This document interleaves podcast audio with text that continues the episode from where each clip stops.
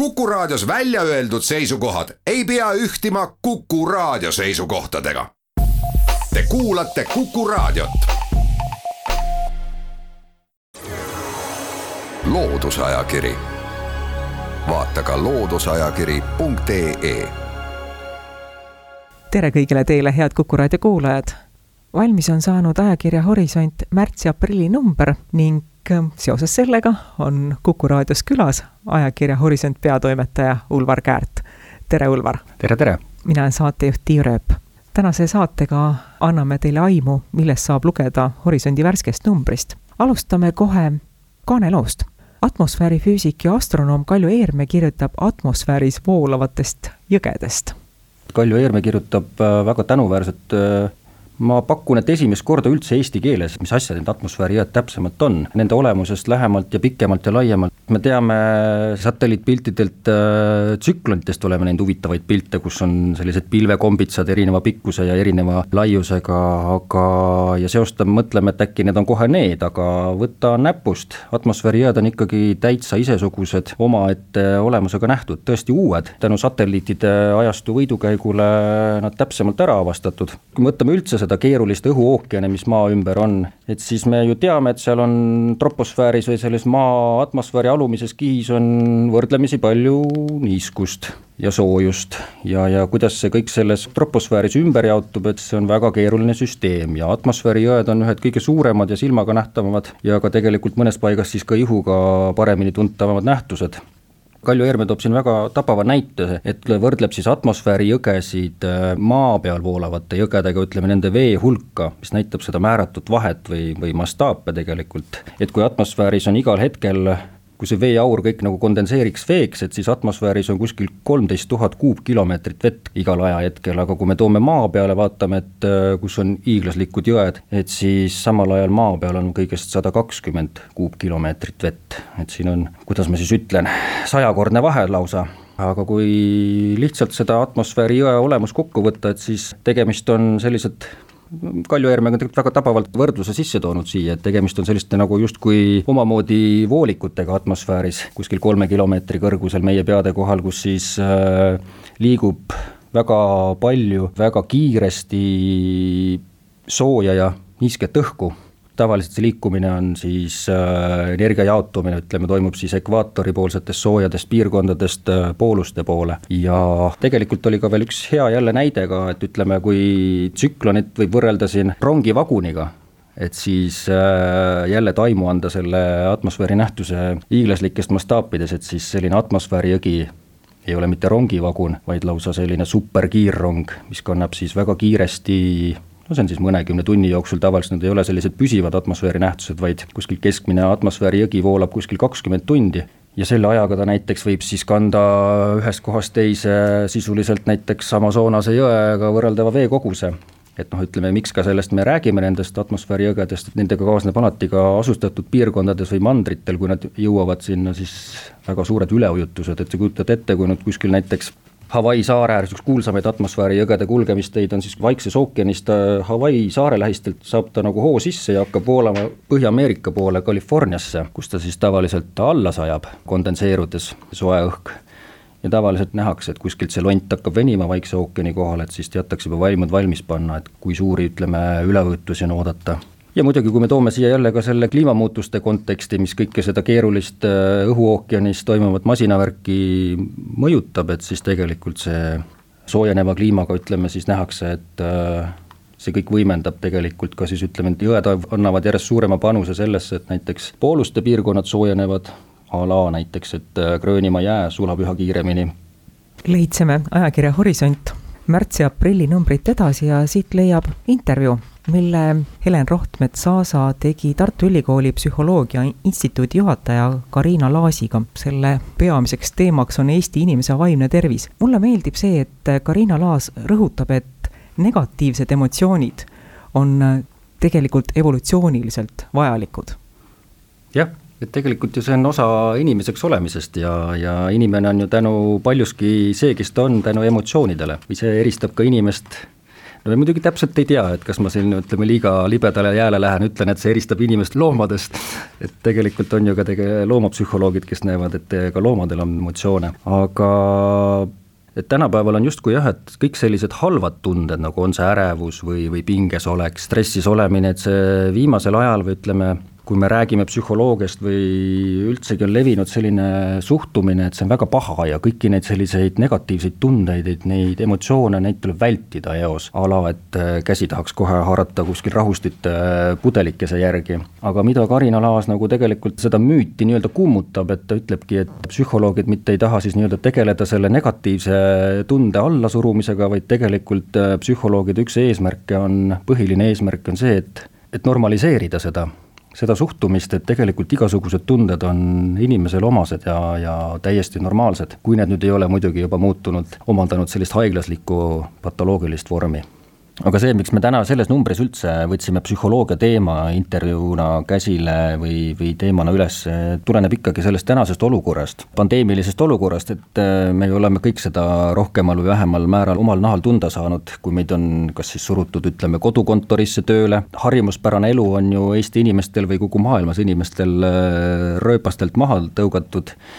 Ja, ja kui tekkinud on selline uus ja ebakindel olukord, siis see paratamatult üks hullemaid ohtusid, mida sellest koroonapandeemiast tegelikult kardetakse, on see, mis meil siin kahe kõrva vahel juhtub, et on see siis ütleme, omal nahalgi ma olen tunda saanud seda, mida tähendab kodukontoris töötamine, horisondi numbri tegemine, selle kõrvalt, kui on vaja kogu aeg lastele anda arvutinõu, kellel on vaja tunde kuskil Zoomis, Google Meetsis või erinevates keskkondades oma tunnitöid teha ja samal ajal püüda ka ise ajakirjanumbrit valmis teha, et kui sa konkureerid, ütleme ka selle ta-, tavalise tööriista pärast ja ka ütleme, tähelepanu või siis vastupidi, jällegi sellise rahuliku omaette olemise nurga, nurgakese pärast, et siis see ei ole muidugi kerge. et see on pannud kõikidel kannatuse proovile. aga nagu tegelikult Karina Laas siin jällegi ka põgusalt selles mõttes ka toob välja selles intervjuus, et on ikkagi sellised väga need lihtsad elementaarsed asjad, mida miskipärast inimesed kuidagi ei taha või miskipärast need ununevad ikkagi, et kuidas selle stressi ja, ja pingetega võidelda, on ikkagi see, et selline elementaarne vaimse tervise eest hoolitsemise reeglid ikkagi, et tuleb toituda tasakaalukalt, magada piisavalt, piisavalt, ei tuleks rabada endal liiga palju tööd, tuleb õppida maandama endal stressi, et noh, see on siin erinevad meetodid ikkagi ju, on see siis, tavaliselt on ju A ja O on ka ütleme, liikumine ja füüsiline aktiivsus. et kui neid reegleid järgida, et siis tegelikult see ongi see, et ei ole vaja kalli raha eest hakata kohe taga ajama kuskilt mingisuguseid tablette või, või rahusteid või, või muud asja. siinkohal me teeme saatesse väikese pausi. loodusajakiri vaata ka looduseajakiri.ee loodusajakiri tuli pausilt tagasi. kuku raadio stuudios on ajakirja Horisont peatoimetaja Ulvar Käärt. mina olen saatejuht Tiia Rööp ja me jätkame ajakirja Horisont värske numbri tutvustamist. ajakirja Horisont märtsi aprilli numbrist leiab Tartu Ülikooli teadlaste Liisi ja Erko Jakobsoni kirjutatud loo Arktikast kui maailma kliimavedurist ja miks Arktikast rääkima peaks selle ütlevad nad ära juba oma artikli esimeses sissejuhatavas lauses. nimelt viimase poole sajandi jooksul on Arktika soojenenud globaalsest keskmisest üle kahe korra kiiremini ja nii ta ongi. Ja miks see näiteks peaks meile korda minema, et ta meil soojeneb, just see Arktika, mis on meist nii kaugel ju kaugel,, kaugel-kaugel põhja pool, et miks see nagu meile, eestlastele näiteks kas või peaks korda minema ülejäänud maailma rahvastele, et see tuleneb ikka sellest, et kõik see, mis toimub Arktikas, see ju otsapidi mõjutab kõiki maailma teiste piirkondade kliimat. Ja ka vastupidi, kui siin midagi juhtub, siis see tegelikult mõjutab kõike, mis toimub Arktikas, et mõnes mõttes on see, ütleme, Arktika kui selline Eestis ka ütleme päevapoliitiliselt siis ütleme niimoodi aktuaalseks muutunud teema, et äh, Eesti on ju püüdlemas Arktika Nõukogu vaatlejaliikmeks. Ja, ja see huvi mis siis selles nagu positsioonis pakkuda, tuleneb ikka sellest, et eestlastel on tegelikult või Eesti teadlastel on pakkuda väga palju teadmist, eestlased teadlased on uurinud Arktikat väga palju ja neil on ka ütleme, pakkuda seda oma head teadmist. ja nagu ka tegelikult Liis ja Erko Jakobson ise sellise kaugseire või ütleme, kliimauurijatena selles loos on nagu välja selgitanud või, või toovad välja, et nemad ise on analüüsinud siis või otsinud selliseid seoseid, et ikkagi, et lihtne inimese mõistus otsib seda, et kui Arktikas näiteks jääpindala kuskil väheneb või, või kuskil piirkonnas äh, Arktikas on temperatuur äh, just niisugune, nagu ta on, nii palju vähenenud näiteks tavapärasest keskmisest, et siis äh, lihtne mõistus ikka hakkab otsima seda, et kas sellel nüüd on mingisugune seos, mis avaldub mingisuguses vormis, ütleme siin meie kliimades, kui kuskil on jääkatet rohkem, et kas siis meil näiteks on talv siin külmem või on ta näiteks siis soojem ja nad on tegelikult ütleme ka see suurem huvi nagu, et miks selliseid seoseid see muidugi, see atmosfäärisüsteem on, nagu juba Kalju Eerme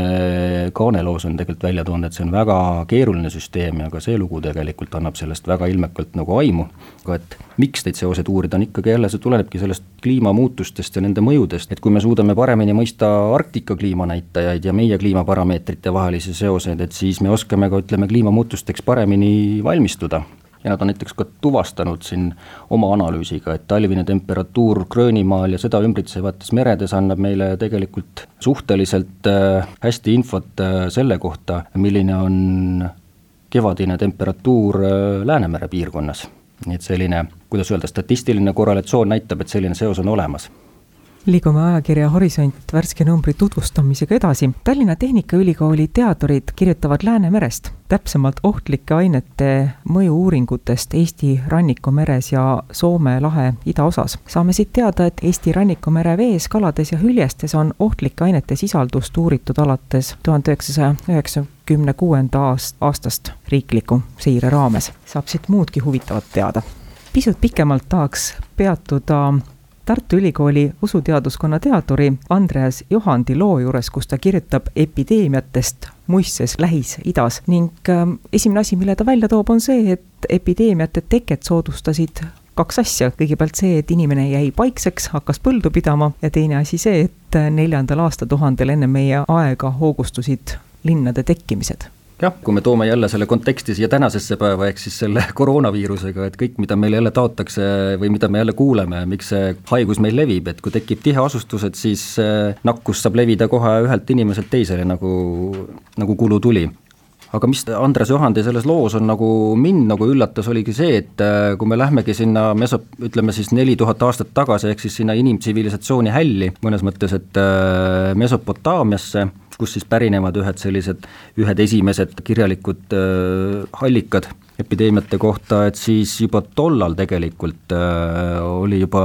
inimestele üsna hästi teada, et äh, nakkus levib, kui see kuskil midagi vohama hakkas, et siis äh, see levis inimeselt inimesele ja tegelikult see on, nähti ka seda seost, et äh, mingid nakkused võivad äh, ilusti loomadelt inimestele üle hüpata ja, ja tegelikult osati ka nakkuse levikut täiesti tänapäevaste teadmiste järgi piirata, et ehk siis saadi aru, et kui kuskil on haige, siis haige tuleb isoleerida, teati ka näiteks seda, et kui kuskil haigus mingisuguses kohas leviti, et siis jäeti ka need sellised haiged kohad maha või nakkusega kohad ehk siis kõik tegelikult see, mida me ka päevast päeva jälgime, et väldime kontakte teiste inimestega, see arusaam oli ka ütleme,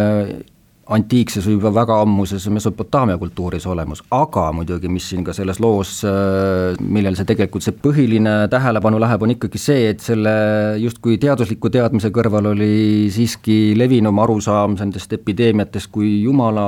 jumala vihast ja ütleme siis ka vastavalt otsiti siis erinevate kõikvõimalike rituaalidega siis jumalatelt lepitust ja rahu, et siis seeläbi haiguste vastu võidelda, et noh, kui me jällegi toome siin tänapäevasse paralleele jälle mingisuguseid, et siis me vaadata ka, et kui tänapäeval on ikkagi valdavalt ülekaalus selline teaduslik ja teaduspõhine lähenemine viirustele ja ütleme, epideemiale, et siis äh, siiski sellele vaatamata on levimas, ütleme, kõikvõimalik müra, mis siis saadab seda vaktsineerimist või, või kõike see, kuidas me selle viiruse vastu võitleme. igasugust jura ja müra siin levib tänapäevalgi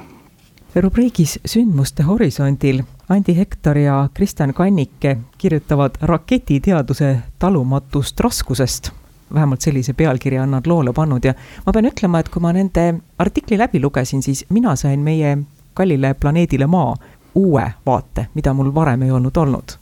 jah, see maa puhul on ikka ju leitud, et kas ta on meil siin ütleme, selline ainukene eluhäll siin universumis või et ta asub ka sellises kuldkiharatsoonis, mis, mida peetakse äärmiselt eriliseks, et siis, siis tegelikult tuleb välja, et see maa kuju justkui raketiteaduse seisukohast, et see on suisa igas mõttes nagu